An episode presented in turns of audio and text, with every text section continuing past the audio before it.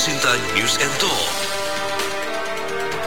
Pendengar pemerintah melalui Kemenkominfo pada tahun 2020 akan fokus memberantas pelanggaran hak kekayaan intelektual atau HAKI, termasuk terkait keberadaan film bajakan di situs web streaming dan situs torrent di situs yang paling populer saat ini yaitu Indo XX1. Bagaimana Komisi 1 DPR RI melihat hal ini?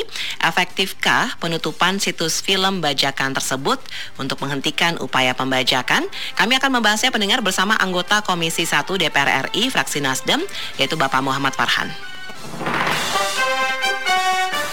El Sinta News and Talk. Anda juga bisa menyampaikan tanggapan dan komentarnya pendengar terkait dengan pemberantasan pelanggaran hak kekayaan intelektual atau HAKI termasuk uh, salah satu yang saat ini eh, paling banyak dikunjungi oleh masyarakat yaitu Indo XX1.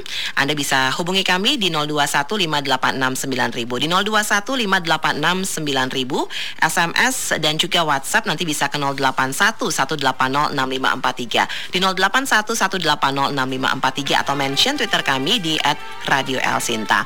Pak Farhan, bagaimana kalau Anda melihat uh, fokus yang akan dilakukan oleh pemerintah di tahun 2020 nanti? Selamat siang. Memang apa yang kita lakukan ini merupakan salah satu bagian dari amanat undang-undang tentang hak atas kekayaan intelektual, melindungi industri kreatif khususnya subsektor perfilman dan juga tentu saja menegakkan cyber law yang ada dalam beberapa paket di Indonesia ini. Gitu. Tindakan ini memang menjadi sebetulnya adalah sebuah penciptaan momentum ya bagaimana kita yang menjadikan sebuah penciptaan momentum untuk kita mulai bersih-bersih website. Namun memang ada sedikit kritik yang bisa kita sampaikan. Kritiknya adalah bahwa apa pun undang-undang seperti seperti ITE, HAKI, dan lain-lain itu ternyata tidak berhasil mengubah perilaku orang. Kalau kita tanya saja pada diri kita sendiri dan juga teman-teman kita atau keluarga kita, mereka sih dengan tidak ragu-ragu mengatakan bahwa kalau memang bisa gratis, kenapa mesti bayar gitu. Walaupun pun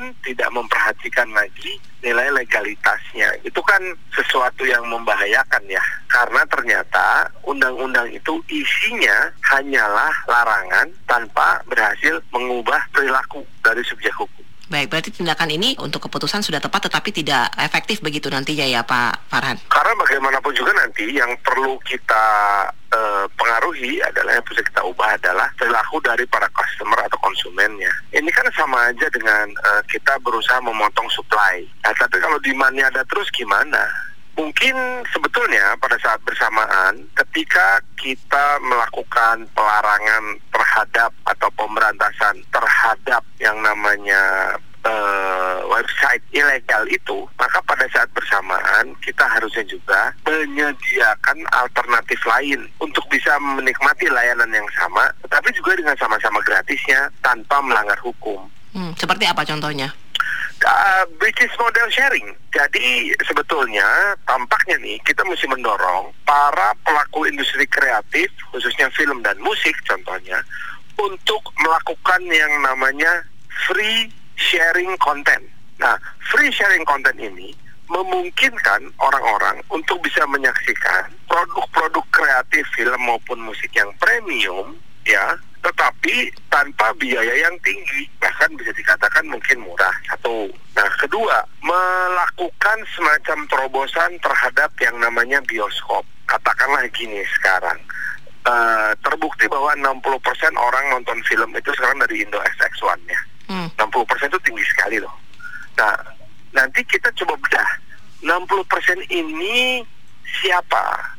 Profil demografinya seperti apa mereka tinggal di daerah mana. Kemudian bandingkan dengan demografi pada mereka yang berangkat ke bioskop dan bayar minimal ribu rupiah sampai ribu rupiah sekali nonton. Bandingkan profilnya, lalu jadikan itu sebagai dua segmen pasar yang berbeda. Karena kalau bicara layanan, layanan boleh sama, tetapi aksesibilitasnya dibedakan sehingga ada segmen pasar yang bersedia membayar atas harga premium untuk mendapatkan akses terhadap pelayanan tersebut.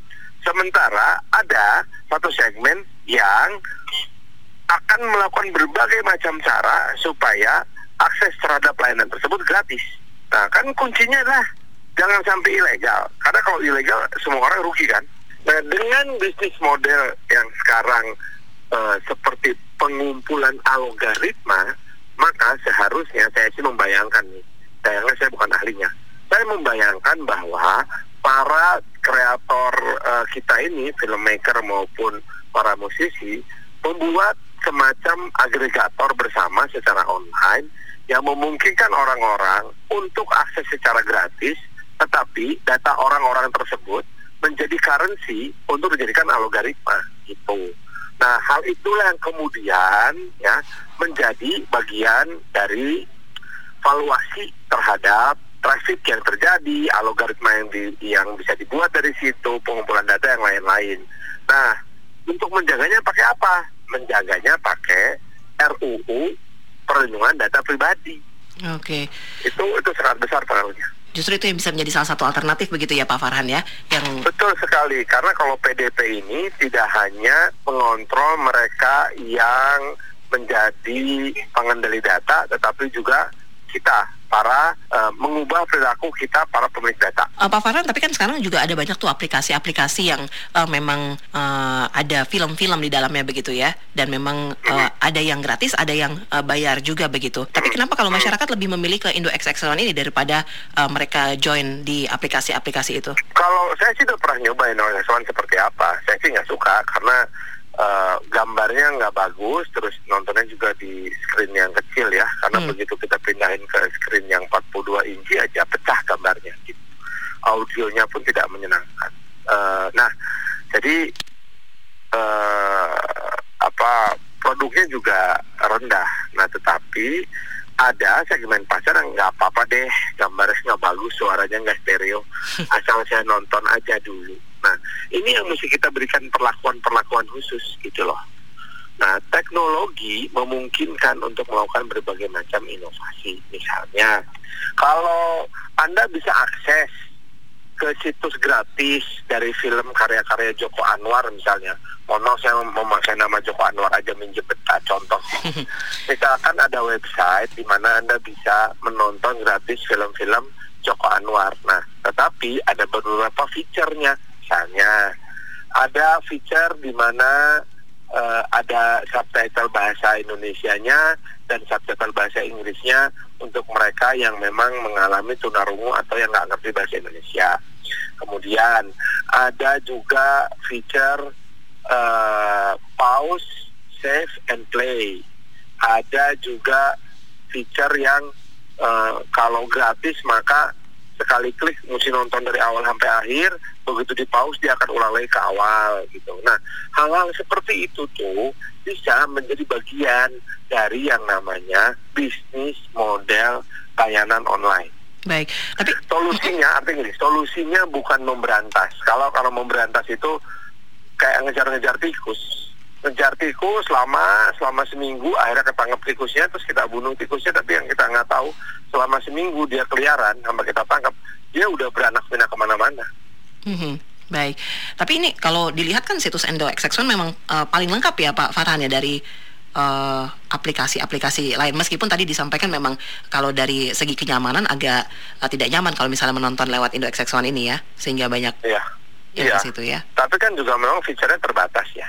Jadi artinya kita tahu bahwa ada segmentasi pasar yang membutuhkan hal-hal yang uh, yang tidak membutuhkan hal-hal detail seperti yaitu wah saya nggak perlu lah stereo nggak perlu lah gambarnya bagus nggak apa-apalah layarnya kecil yang penting nonton gitu.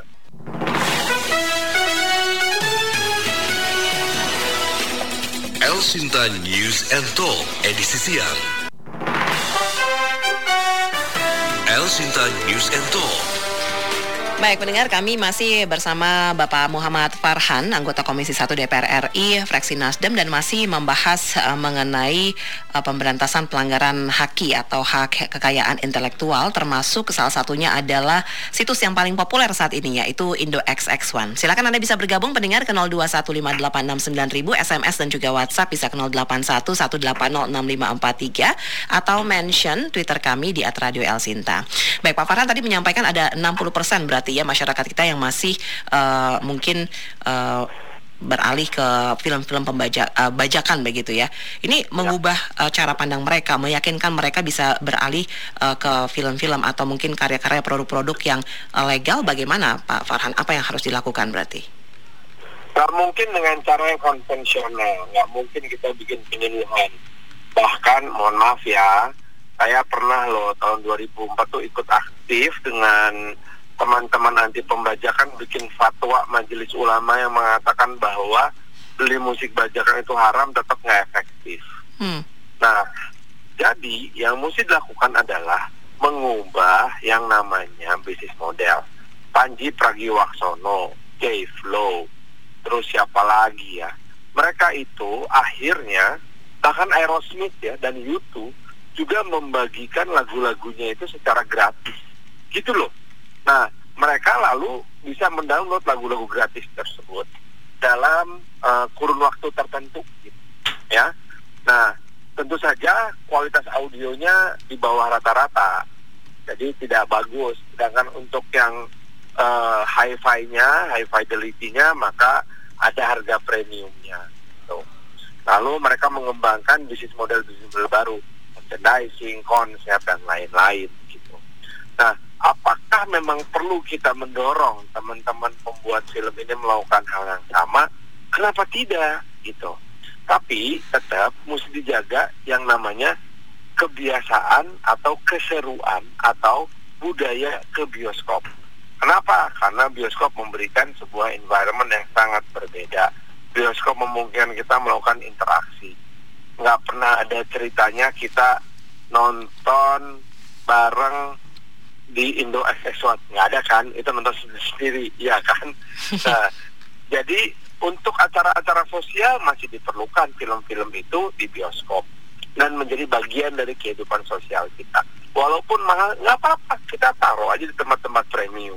Sementara itu untuk para penggemar film yang lain yang udah keburu kecanduan sama barang-barang gratis atau film-film gratis maka kita sediakan salurannya. Boleh nih ada yang legalnya. Tapi in return Anda harus menyerahkan data Anda.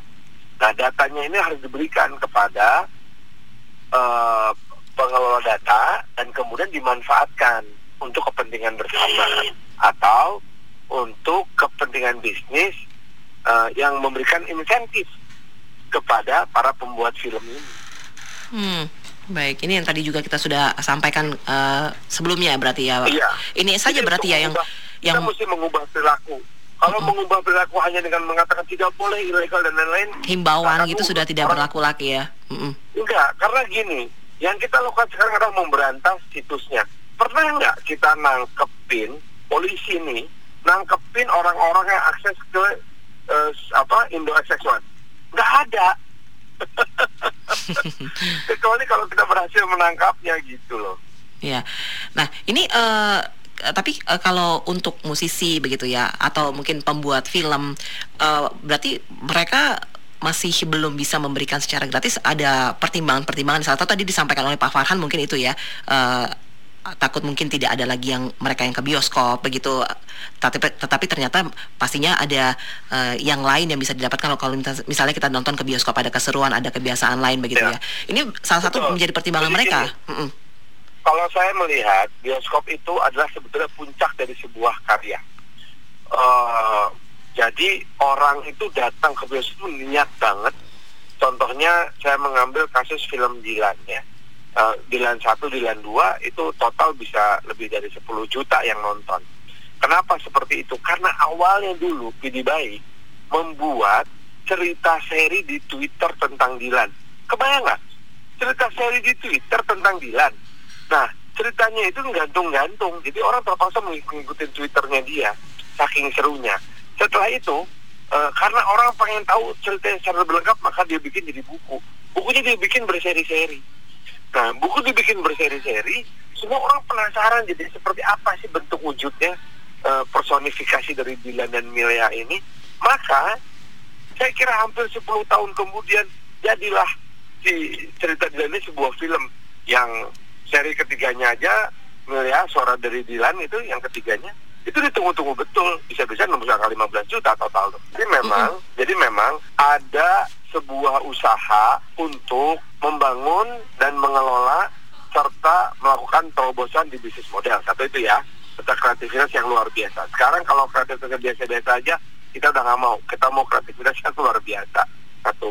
Yang kedua yang juga sangat penting adalah uh, saya harapkan dan saya akan sangat bersedia membantu tentu saja kami di Komisi Satu pasti akan sangat membantu apabila teman-teman Kominfo, teman-teman dari Badan Ekonomi Kreatif yang sekarang gabung dengan Kementerian Pariwisata, uh, kemudian juga Kementerian Pendidikan Kebudayaan untuk bersama-sama membangun ekosistem kreativitas di Indonesia. Baik, tapi untuk uh, musisi untuk membuat film ini juga harus dirangkul, harus diyakinkan begitu ya Pak Farhan ya supaya mereka bisa ya, melakukan harus. bisnis model ini. Betul, dan mereka harus membuat karya yang luar biasa kreatif penuh dengan terobosan, bukan yang biasa-biasa aja. Ini juga dilakukan uh, di luar ya, tidak hanya Indonesia saja begitu ya Pak Farhan ya? Oh, dia di luar negeri lebih luar biasa lagi. uh, Madonna itu sudah tidak membuat album baru, tetapi konsernya sudah sangat laku. Baik, jadi ini yang uh, memang harus dilakukan oleh para musisi dan juga pembuat film kita, yaitu beralih ke ya, bisnis model itu ya Pak Farhan ya. Betul sekali. Baik, ya. karena kalau kalau karena kalau tidak memang akan terus uh, terjadi seperti ini ya untuk masyarakat juga tetap akan ya. uh, memilih yang bajakan begitu ya. Iya, betul. Baik, Pak Farhan terima kasih banyak atas waktunya bersama Elsinta, ya. Pak. Ya. Selamat ya. sore. Oke, terima kasih. Mendengar anggota Komisi 1 DPR RI fraksi Nasdem uh, Muhammad Farhan, jadi untuk saat ini pemerintah melalui Kemenkominfo di tahun 2020 akan fokus memberantas uh, pelanggaran haki termasuk salah satunya yaitu situs yang paling populer saat ini Indo XX1.